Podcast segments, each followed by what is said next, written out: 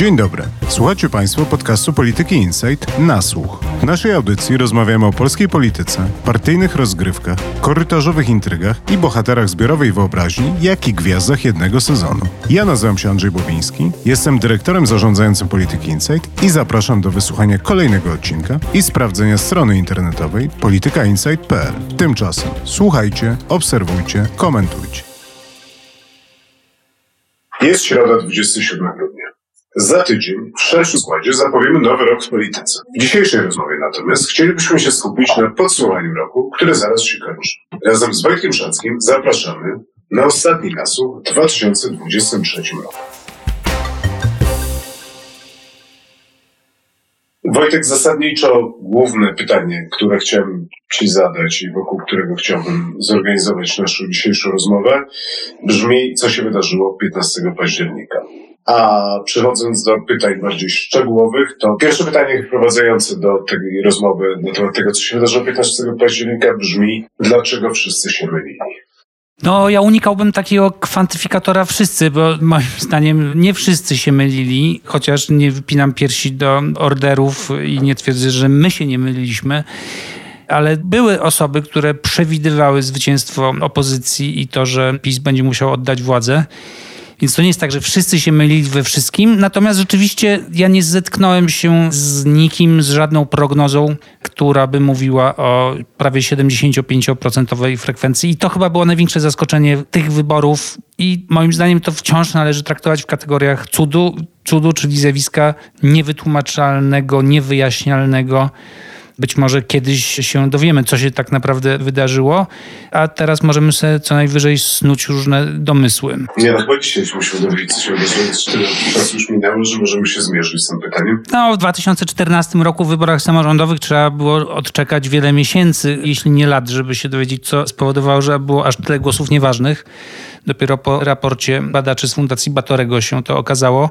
I teraz też pewnie jeszcze w przyszłym roku znajdą się różne analizy, które będą to sensownie tłumaczyły. Natomiast ja mówię o cudzie i mówię o zaskoczeniu i o pomyłce, ponieważ Krótko przed wyborami nawet prowadziłem tutaj debatę na dole w tym budynku z socjologami, którzy mówili, że frekwencja to będzie rzędu 60%, może 62%.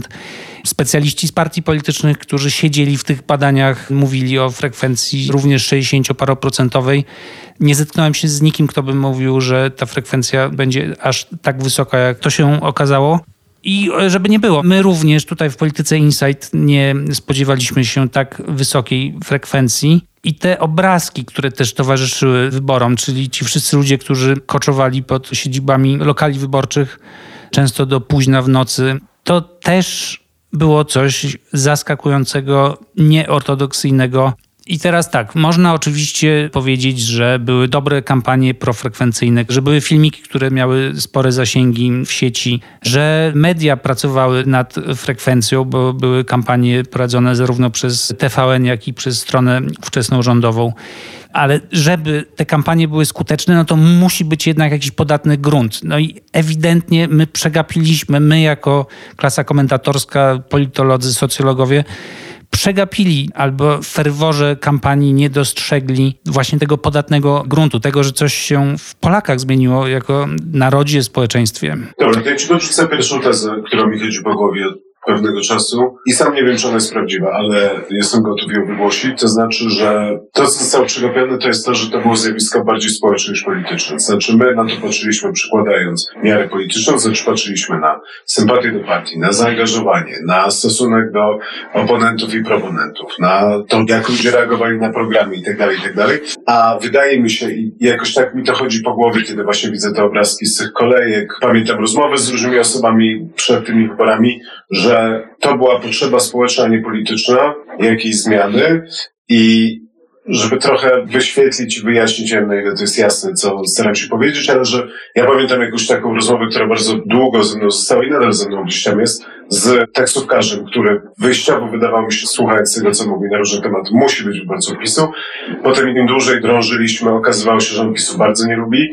Na kolejnych światłach okazuje się, że zasadniczo tam w ogóle nie lubi polityków i że najchętniej to by nie głosował, a przy wysiadaniu, kiedy go zapytałem, czy pójdzie głosować, powiedział mi, że oczywiście, że pójdzie głosować, że on zawsze głosuje, on tym razem też zagłosuje, ale jeszcze się zastanowi na kogo. I trochę dla mnie ta rozmowa była jakimś takim symbolem tego nastroju, znaczy nastrój właśnie był niepolityczny, bo bardzo wiele osób niespecjalnie znajdowało dla siebie ofertę polityczną, a z drugiej strony czuło obowiązek, ale może to jest coś innego niż obowiązek. Może czuło taką emocję społeczną, a może po prostu chciało wziąć udział w czymś, co się działo w kraju w tym momencie. Zarówno twoja teza, jak i ilustrująca ją historia z taksówki były jak najbardziej zrozumiałe. I myślę, że tu jest dużo prawdy w tym, że coś się zmieniło właśnie na poziomie społecznym, a niekoniecznie politycznym, bo politycy, z jednym wyjątkiem, o którym za chwilę i o którym pisał Rafał Kalukin w najnowszej polityce, politycy również szli w zasadzie rutynowych swoich kolejnach i tam a to wspólna lista, a to niewspólna lista a to ziobryści coś mówili, że być może założą własny komitet. Politycy również nie dostrzegali przez znaczny czas tej ostatniej kadencji, czy nawet dwóch kadencji, tego, że coś buzuje w tym polskim społeczeństwie, że coś się fundamentalnie w nim zmienia. I tym wyjątkiem był Donald Tusk, jego marsz 4 czerwca. Ewidentnie Tusk wyczuł jakiś nastrój społeczny. Znany był z tego zawsze lider Platformy, że umiał czytać nastroje społeczne i wydaje się, że on, no, idąc w spore ryzyko w sumie, gdy zwoływał ten marsz, to nie wiadomo było, czy to będzie sukces, że on na tym wygrał, na odczytaniu tych nastrojów. To jest atrakcyjna myśl, ale moim zdaniem są z nią dwa problemy. Jeden jest taki, że mnie uderzyło w tym tekście Rafała Krokina, który też czytałem i też wydaje mi się być bardzo dobry i ciekawy, ale on przechodzi do porządku dziennego nad marszem większym, moim zdaniem bardziej zaskakującym i bardziej niezrozumiałym, czyli marszem 1 października. On opowiada o tym 4 czerwca jako tym momencie przełomu, ale jak ja pamiętam wrzesień, to z tego przełomu już niewiele zostało. Jak ja pamiętam nawet godziny poprzedzające ten marsz 1 października, to większość osób, jeżeli nie wszystkie osoby, z którymi rozmawiałem, od zwyczajnych, normalnych ludzi, średnio interesujących się polityką, po czynnych, zaangażowanych polityków, członków sztabu jednej czy drugiej partii, było ogólne poczucie, że to może być koszmarny klapa. Co więcej, z tego co pamiętam, ten niepokój też pokutował na piątym piętrze. W sensie to nie jest tak, jak ty mówisz, wydaje mi się, że Donald Tusk wiedział, że jak on zrobi ten marsz, to wszyscy na niego pójdą i dzięki temu wygramy. Mam poczucie, że to był rzut kośćmi, zaciśnięcie kciuków i czekanie na to, ile osób przyjdzie. Więc pytanie jest, co się wydarzyło. Znaczy, że ten marsz był, że się udał. Udał się, że dał energię. Oczywiście tak, ale ja nie jestem pewien, czy to był ten magiczny składnik, który doprowadził do tej zmiany, doprowadził do tej frekwencji, doprowadził do tego października. A ja nie wiem, czy on doprowadził. Po pierwsze, to jest intuicja, nie pewność Tuska, że to się uda zapewne. Coś więcej może niż rzut kośćmi, a coś mniej niż pewność.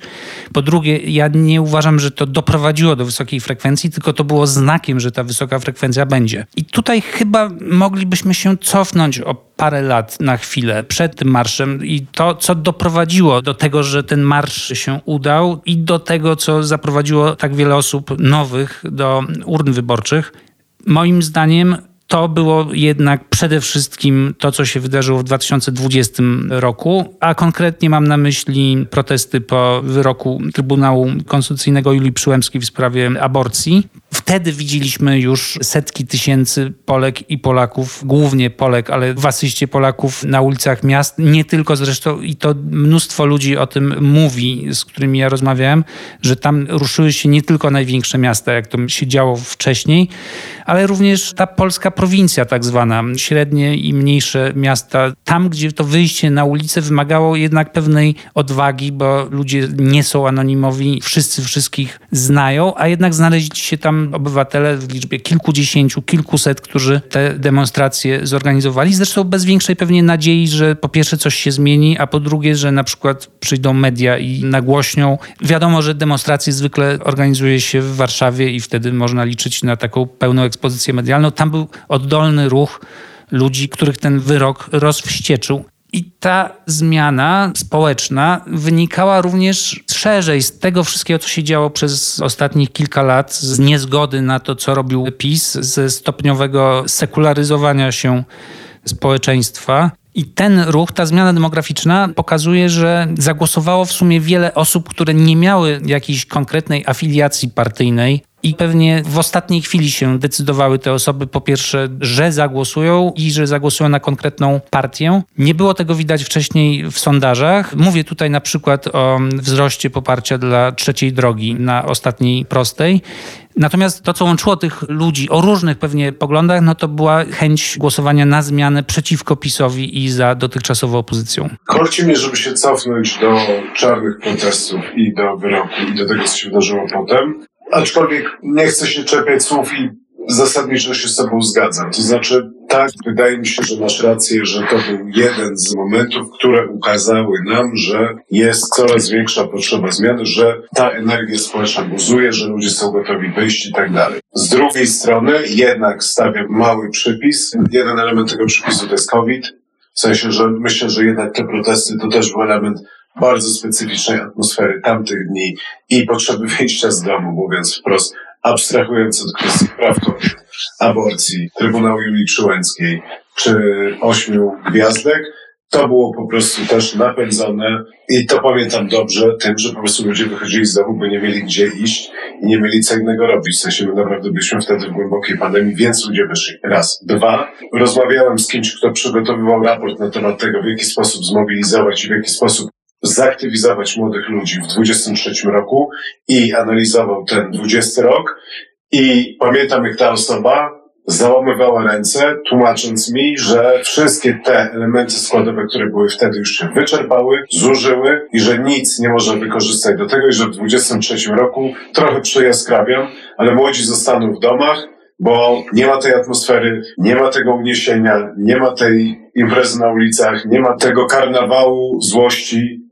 i niezgody. Więc tak, to są te symptomy i w ogóle myślę sobie dziaderskie, weterańskie opowieści, w których nawet nie specjalnie braliśmy udział, ale jakoś tak mi, bardzo mi się to rymuje z opowieściami o 88 roku, w którym ten karnawał Solidarności, pierwsze wolne wybory 4 czerwca 89 został poprzedzony okresem smuty, depresji i poczucia, że nic z tego nie będzie, że energia się wypaliła i że nigdy nie dojdzie do zmiany władzy. Więc Wydaje mi się, że to też jest, i nie chcę tutaj wchodzić głęboko w rozmowę o polskiej duszy, ale że to też jest trochę element różnych wydarzeń w naszej historii, kiedy właśnie moment wzniosły podniecenia i wyjścia na ulicę albo wzięcia sprawy w swoje ręce jest poprzedzony momentem wycofania i jakiejś takiej myśli rezygnacyjnej. To znaczy, że te dwie rzeczy idą trochę w parze i rzeczywiście to też jest może coś, co nam zaburzyło odbiór i utrudniło ocenę sytuacji, bo Taki też były głosy, taki też był nastrój. Tak, ale ja nie wiem, kiedy rozmawiałeś z tą osobą o młodych. Jeszcze przed rozpoczęciem kampanii. Jakoś... Przed, bo z drugiej strony wydaje mi się, że już ta prekampania i kampania bardzo zaburzyły obraz rzeczywistości, ponieważ wtedy byliśmy wystawieni na tyle bodźców politycznych i tyle komunikatów z partii, z mediów, ośrodków analitycznych, think tanków, jak zwał, tak zwał. W każdym razie, że nastąpiła taka inflacja słów i wydarzeń, że zgubiliśmy z oczu ten podstawowy obraz sytuacji. A podstawowy obraz był taki, że PiS, na co wskazywały procesy zachodzące od kilku lat, był jednak skazany na to, że straci wielu wyborców, a opozycja jest w dużo lepszej sytuacji niż by te wszystkie wydarzenia, które się działy, wskazywały. Jestem na tyle stary, że pamiętam końcówkę rządów Platformy w 2014 roku i 2015 i wtedy też były różne wydarzenia, które zdawały się wskazywać, że Platforma jeszcze będzie w stanie obronić władzę, że jakoś to będzie. Zresztą po ówczesnej inwazji na Ukrainę rosyjskiej Platforma trochę się odbiła w sondażach, był jeszcze niezły wynik w wyborach europejskich. Wydawało się, że razem z Lewicą i z PSL-em PO utrzyma tę większość niezależnie od swojej słabości, ale jak się teraz pamięta, ale też jak się pamięta teksty, które się pisały jeszcze przed kampanią wyborczą, to już wtedy było widać postępującą słabość i kurczenie się legitymacji społecznej Platformy i wzrost nastrojów, które niosły do władzy PiS. I podobnie było po tych 6-7 latach władzy PiSu. Było widać, że PiS słabnie, że traci słuch społeczny, że się zużywa, że baterie mu się wyczerpują i jednym z przykładów na to były właśnie te protesty społeczne, ale nie jedynym, bo równolegle do tych protestów była wielka awantura na wsi o piątkę dla zwierząt. Jednocześnie pojawiły się pęknięcia w tak zwanej Zjednoczonej Prawicy, była wielka wojna o wybory kopertowe z Jarosławem Gowinem, rozbicie jego partii. Później były konflikty cały czas z ziobrystami ta atmosfera w obozie władzy się pogarszała i to pogorszenie nie brało się znikąd. To też było odczytywanie nastrojów społecznych i próba jakiegoś znalezienia odpowiedzi na to. Tak, więc im dłużej Ciebie słucham, im dłużej sobie o tym myślę, to wydaje mi się, że w sumie odpowiedź na to pytanie, która nie wiem, czy dziś padła, ale ona jest zasadniczo dosyć prosta, ale jej nieoczywistość nie wynika z tego, że ona jest skomplikowana, tylko z tego, że jest złożona. To znaczy, że z jednej strony, tak jak mówisz, rzeczywiście, to były po prostu procesy, które były zasłużone i niezasłużone, bo na to się nakłada COVID, na to się nakłada wojna, na to się nakłada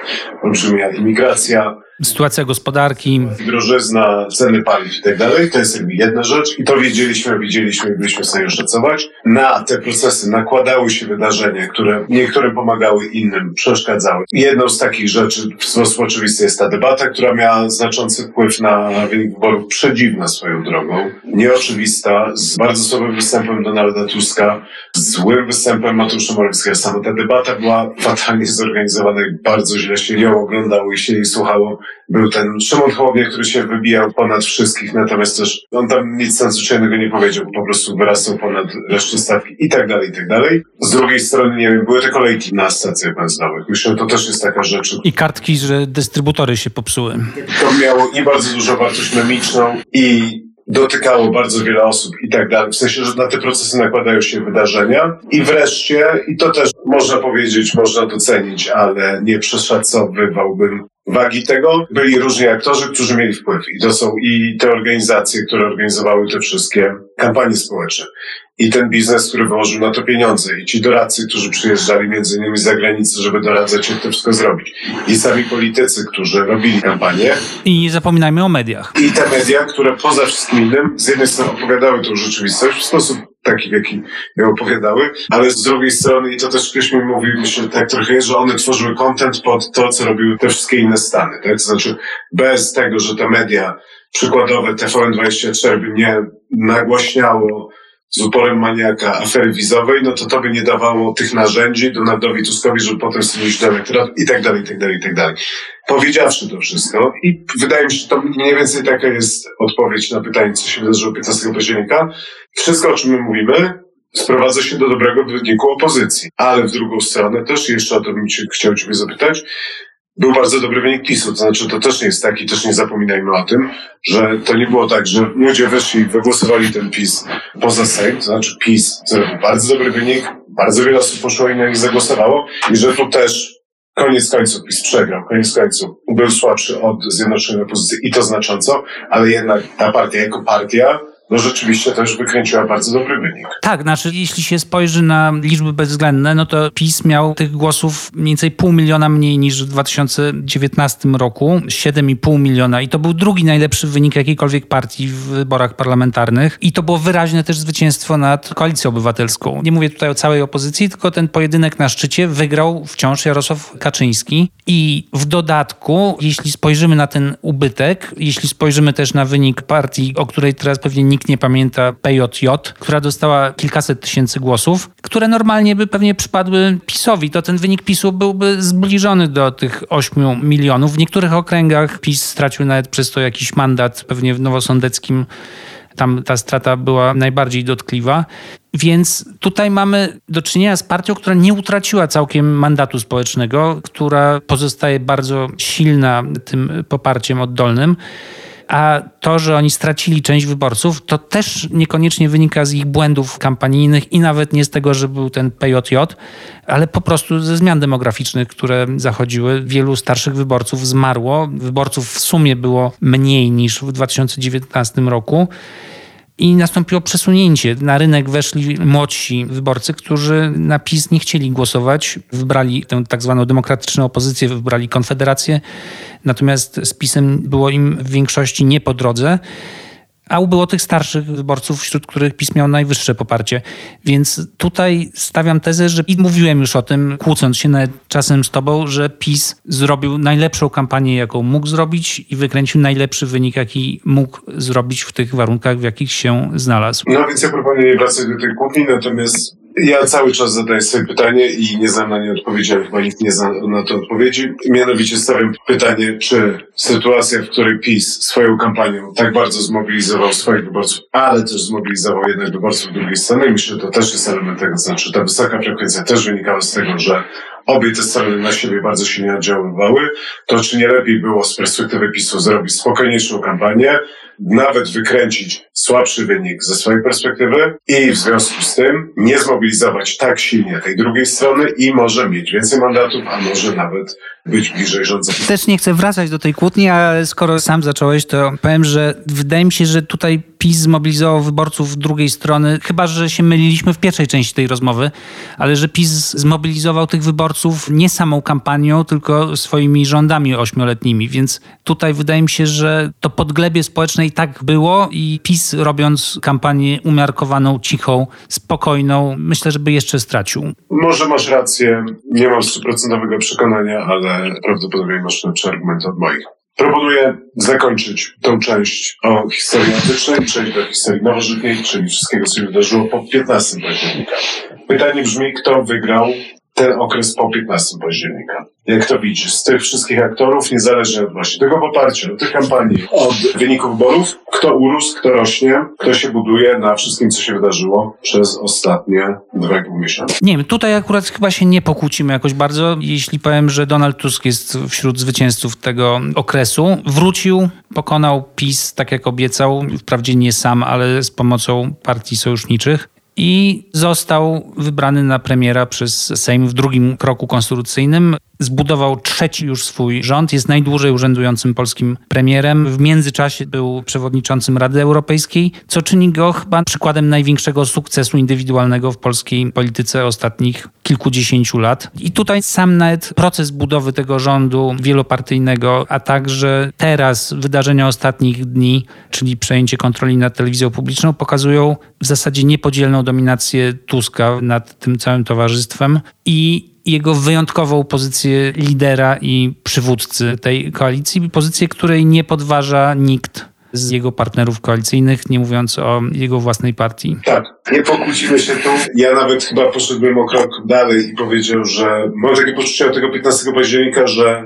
praktycznie każde zdarzenie, wydarzenie, wszystko, co się dzieje w polityce przez ostatnie dwa i pół miesiąca gra na korzyść Tuska, że to jest ten moment i to jest ta dziwna zasada polityki, że w sytuacji, w której jest się na fali, to wszystko pomaga. W momencie, kiedy nie idzie, to strasznie nie idzie. Że w tym momencie Tusk jest cały czas na wznoszącej i naprawdę, no nawet mam poczucie, że taki chyba najtrudniejszy i najgorszy moment tego tworzenia się nowego ładu i nowego porządku, czyli afera wiatrakowa, bo nie te zmiany medialne to jest inna historia, ale afera wiatrakowa, która nie była aferą, ale rzeczywiście była zabałaganionym procesem tworzenia dziwnej ustawy, w której pojawiło się dużo zapisów, które potem trzeba było zmieniać, to mimo wszystko, mimo tego, że gdzieś tam za tym stoją ludzie bliscy Tuska, doradcy i tak dalej, to i tak to buduje Tuska, bo to on przychodzi potem i po nich sprząta i po nich naprawia. Więc to jest ten taki przedziwny moment, kiedy Tusk po prostu naprawdę, no nie wiem, co musiało się wydarzyć, żeby Tusk na tym stracił. No musi minąć czas. To się zużywa. To jest ta taka dziwna energia w polityce, że cały czas się rośnie, ale zużywa się ten nagromadzony kapitał.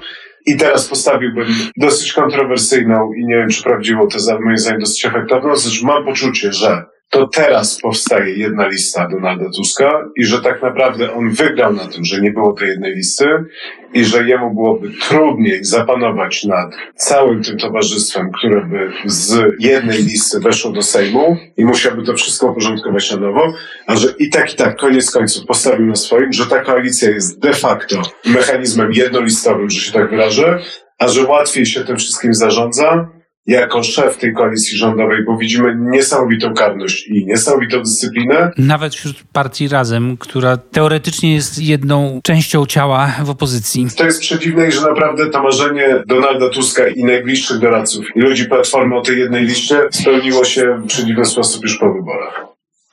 No dobrze, to wiemy, że Donald Tusk zyskuje. No drugą taką postacią niewątpliwie ciekawą i raczej chyba też rosnącą. Pytanie jak długo po wyborach to był i jest Szymon Hołownia. Uważam, że on też jest wygranym i jak dużym wygranym tych ostatnich tygodni. No, Szymon Hołownia niewątpliwie wykorzystał swoją falę, która go niosła i swój czas, który miał, gdy sam został marszałkiem, a jeszcze było to dziwne interludium, w którym rządziły różne rządy Mateusza Morawieckiego. Najpierw stary, potem nowy, ale bez wotum zaufania. I wtedy oczy wszystkich były zwrócone na Sejm, na jego marszałka, na jego inny język, na jego sprawne prowadzenie obrad, żartobliwe repliki, kpiny, refleks, otwartość na konferencjach prasowych, zborne tłumaczenie tego, czym się będzie Sejm zajmował danego dnia rzeczywiście to wytworzyło jakąś modę na Hołownię, modę na Sejm. Ludzie zaczęli się tym interesować, oglądali transmisje z obrad. I również te sondaże powyborcze, obarczone niewątpliwie wieloma niedoskonałościami, nie jestem ich wielkim fanem, ale one również pokazały, że ta trzecia droga, która często jeszcze w tych sondażach występuje,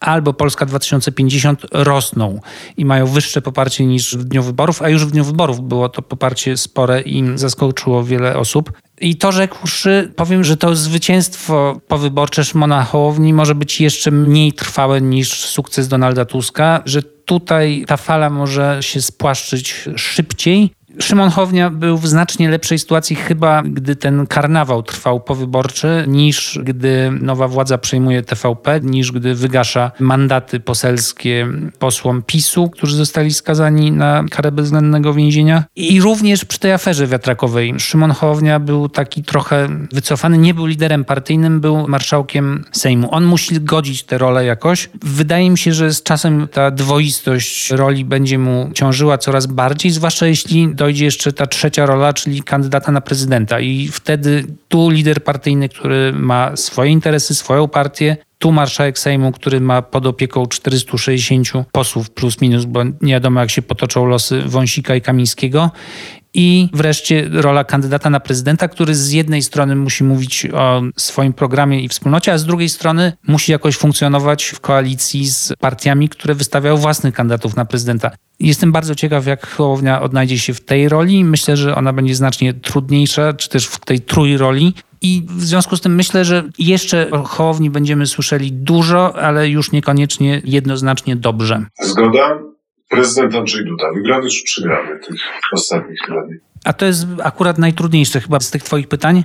Zależy, jak na to spojrzeć, bo mamy jedną perspektywę, czyli taką bardzo teoretyczną. Andrzej Duda jest teraz prezydentem, jest najważniejszym przedstawicielem swojego obozu politycznego w państwie. Ma różne narzędzia, które go wzmacniają i które bardzo trudno będzie obejść nowej władzy. Donald Tusk musi jakoś budować relacje z Andrzejem Dudą, ale i PiS jest jakoś zdany na pałac prezydencki, więc wydawałoby się, że tutaj Andrzej Andrzej Duda jest w bardzo korzystnym położeniu, że ma po prostu wystawioną piłkę i pustą bramkę przed sobą, ale nie zawsze piłkarze w takich sytuacjach trafiają. Nie wiem, czy Andrzej Duda trafi. Na razie mamy taki dziwny okres, w którym prezydent mówi innym językiem niż PiS i to się rzuca w oczy na każdym kroku, zarówno w przemówieniu w Sejmie, jak i w przemówieniu w Pałacu Prezydenckim przy powoływaniu i zaprzysięganiu Donalda Tuska. I w sprawie tego TVP prezydent nie jest politykiem PiSu i nie wydaje się być politykiem PiSu. Nawet Jarosław Kaczyński w jednym ze swoich wystąpień z siedziby telewizji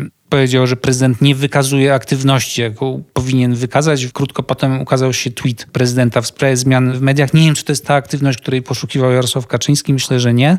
Słowem, Tutaj Andrzej Duda się pozycjonuje jako ktoś ponad tą sceną polityczną, ktoś, kto może sobie zaprosić liderów na posiedzenie Rady Bezpieczeństwa Narodowego. Jest tak trochę obok tego konfliktu, ma rząd, z którym układa sobie jakoś roboczą współpracę, mówi temu rządowi, że musi z nim się liczyć, musi się z nim konsultować, a z drugiej strony ma tę swoją byłą partię, która go w większości pewnie nie lubi, której prezes otwarcie lekceważy głowy państwa i też nie wiem, na ile tutaj Andrzej Duda się w tym odnajdzie. Nie wiem, czy z tej swojej wyjątkowej pozycji i wyjątkowych uprawnień skorzysta. I nie wiem też, jaki jest jego cel, bo wiem mniej więcej, jaki jest cel Donalda Tuska, Szymona Hołowni czy Jarosława Kaczyńskiego. Nie bardzo wiem, do czego dąży Andrzej Duda na te półtora roku przed końcem swojej ostatniej kadencji. Zgoda. Myślę, że trudność w ocenieniu tego, czy Andrzej Duda jest wygranym czy przegranym tej rozgrywki tych ostatnich tygodni wynika, tak jak powiedziałeś, trochę z tego, że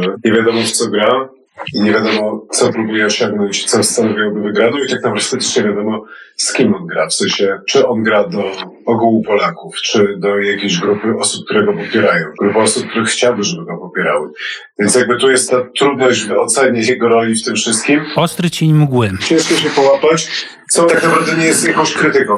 To ja mam do ciebie jeszcze jedną osobę i pytanie, które też wydaje mi się nie jest proste. Jarosław Kaczyński, wygrany czy przegrany? Jarosław Kaczyński mimo wszystko nie ma wątpliwości, jest przegranym. To znaczy oddał władzę, trudno mu się odnaleźć w tej rzeczywistości. Jego Inaczej się słucha przemówień Jarosława Kaczyńskiego, gdy jest politykiem opozycyjnym, niż gdy jest politykiem najpotężniejszym w Polsce. Ten jego nimb wyjątkowości, moim zdaniem, się skończył. Jest po prostu prezesem partii, który w tym momencie niewiele może, poza rzuceniem z mównicy sejmowej, że premier jest agentem Niemiec. No więc widzisz, zgodziłbym się z tobą, gdyby nie było zeszłego tygodnia i całej tej awantury o TVP. Ja miałem takie poczucie, że właśnie mimo wszystko jednak wygranym tego poprzedniego tygodnia w pewnym sensie jest Jarosław Kaczyński, bo mimo tego, że wszystko traci. No bo traci, bo traci władzę, bo traci NIMB, bo prawdopodobnie do władzy już nie wróci. I to wynika tak naprawdę z zasad polskiej polityki, z polaryzacji i z też celów drugiej strony, czyli Donalda Tuska.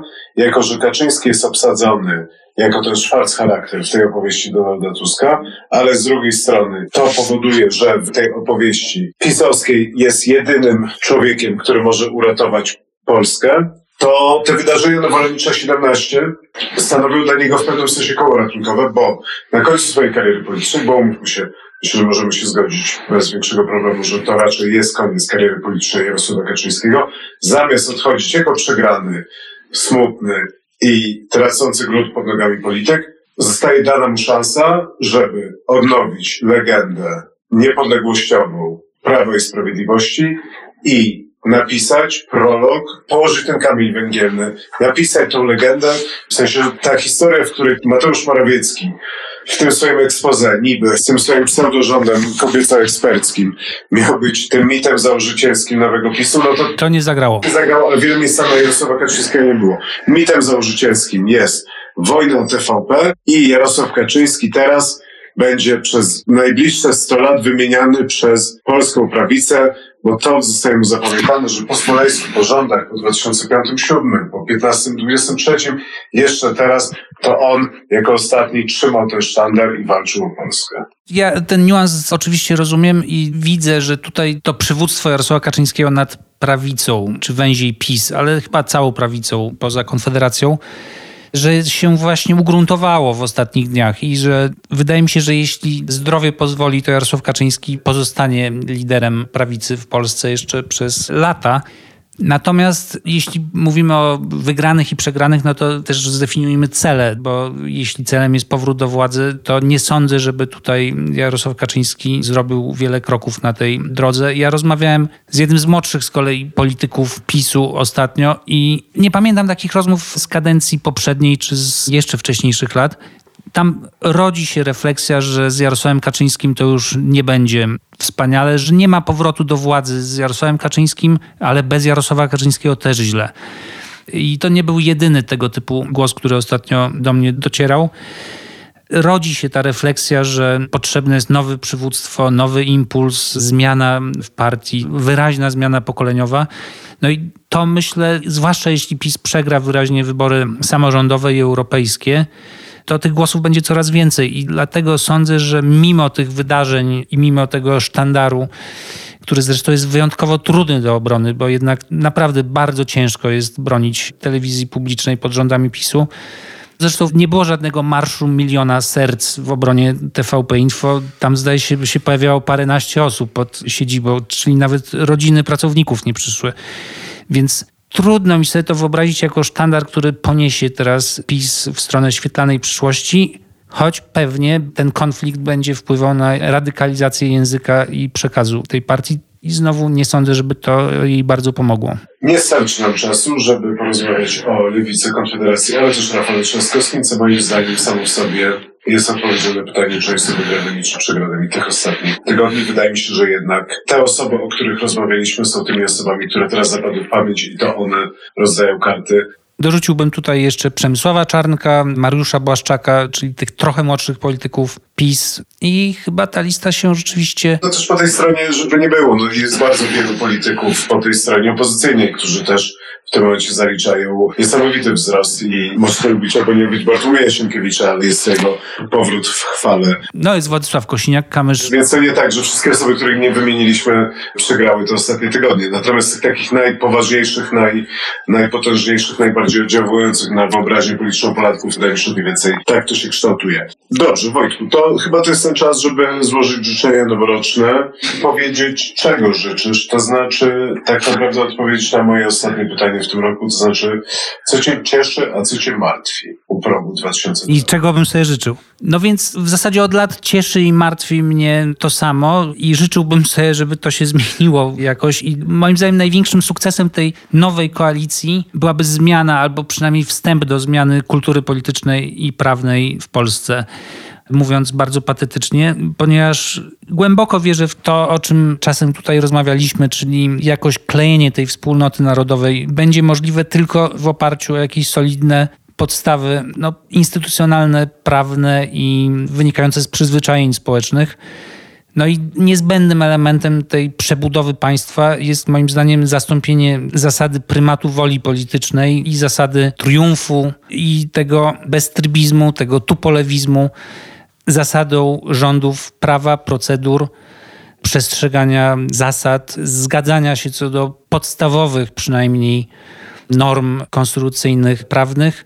I wiadomo, że interpretacja przepisów zawsze będzie różna, że te spory będą wybuchały zawsze, że na tym polega między innymi polityka, że jest dużo sporów wszystkich ze wszystkimi o wszystko ale byłoby super, gdyby gdzieś na górze jednak było to przeświadczenie, że istnieje pewien katalog reguł, których nie można łamać i że te wszystkie spory toczą się kilka pięter niżej i może przy trochę niższej intensywności i ja sobie tego życzę. Tak, ja oczywiście przyłączam się do tych życzeń i jako, że bardzo dużo czasu z sobą spędzamy i bardzo często z sobą rozmawiamy, to wydaje mi się, że są takie momenty, kiedy rzeczywiście podobnie patrzą na rzeczywistość. Przy czym być może się różnimy co do wiary w możliwość spełnienia tych życzeń, bo ja tutaj jestem bardzo umiarkowanym optymistą niestety. Myślę, że jestem... A tego akurat nie wiem, za słabo cię znam. To, co ja chciałem powiedzieć, to, że właśnie na obecnym etapie, w tym układzie politycznym, przy tych aktorach, nie widzę jakichkolwiek przesłanek, które by sugerowały, że możemy odwrócić się od drogi, która się zaczęła tak naprawdę, i myślę, że to trzeba po prostu powiedzieć wprost, w 2015 roku. To znaczy, że tak naprawdę od sporu Trybunał Konstytucyjny do momentu, w którym jesteśmy teraz. To nie był nawet spór, to był po prostu atak na Trybunał Konstytucyjny. Nazywajmy rzeczy po imieniu. Doszło do tego momentu, z którego bardzo ciężko się cofnąć i odwrócić, więc ja chyba bym, dokładając się do Twoich życzeń, oczywiście życzę tego, czego i Ty życzysz, natomiast tu ja jestem jeszcze mniejszym optymistą niż ty i ja bym sobie życzył w 2024, żebyśmy przynajmniej widzieli jakiekolwiek jaskółki, nie wiem, osoby, procesy, instytucje, pomysły na to, jak spróbować odnowić wspólnotę polityczną, jak spróbować odnowić tą kulturę polityczną, jak zacząć rozmawiać o tym, żeby w tym momencie zmierzać, bo na tym etapie dziś ja tego zupełnie nie widzę. No to ja może o tych jaskółkach na koniec, żeby powiało chociaż minimalnym optymizmem. Po pierwsze, ta frekwencja z 2023 roku być może jest jakimś znakiem, że Polacy po prostu oczekują jakiejś wyższej jakości procesów politycznych że być może to, że tak wiele osób ogląda te obrady Sejmu i czuje się jakoś współodpowiedzialny za stan tego państwa, że być może nacisk społeczny sprawi, że politycy jakoś się w ten głos suwerena wsłuchają. Więc to jest jedna jaskółka. Więcej chyba nie widzę, ale z drugiej strony, przy tym pesymizmie, który wcześniej przejawialiśmy, no to nie jest też tak, że to jest jakaś fizyka jądrowa, znaczy stworzenie w miarę bezstronnych mediów publicznych. Na przykład to byłby jeden krok na tej drodze, o której mówiłem To nie jest zadanie niewykonalne. Wystarczą chęci i ludzie, którzy się tego podejmą. Ja nie wiem, czy te nowe media publiczne pójdą w tę stronę. Tego też bym bardzo sobie życzył. Stworzenie korpusu służby cywilnej z prawdziwego zdarzenia, wprowadzenie konkursów, jeśli chodzi o obsadę spółek Skarbu Państwa i ich zarządów i rad nadzorczych. No, to wszystko są elementy tej zmiany. Część z tego przynajmniej była obiecywana w kampanii wyborczej. Dla części Polaków są to rzeczy ważne. Gdyby nowa koalicja poszła w tę stronę, byłoby super. Tego też sobie życzę. Jak ja. Dziękuję bardzo Wojtku, dziękuję bardzo Państwu za ten wspólnie spędzony rok i zapraszam na 3 stycznia na nasłuch noworoczny, w którym zapowiemy 2024 rok i zapraszam na noworoczne spotkanie na żywo w Barze Studio w Warszawie we czwartek, jeszcze raz we czwartek, 4 stycznia od godziny 19 Bar Studio w Warszawie. Zapraszamy wszystkiego najlepszego. Do zobaczenia. Na dziś to wszystko. Zapraszam w przyszłym tygodniu na kolejny odcinek na słuchu. Posłuchajcie również innych naszych podcastów, które znajdziecie w większości serwisów podcastowych. W pole wyszukiwania wpiszcie po prostu Polityka Insight. Słuchajcie, obserwujcie i komentujcie. Do usłyszenia.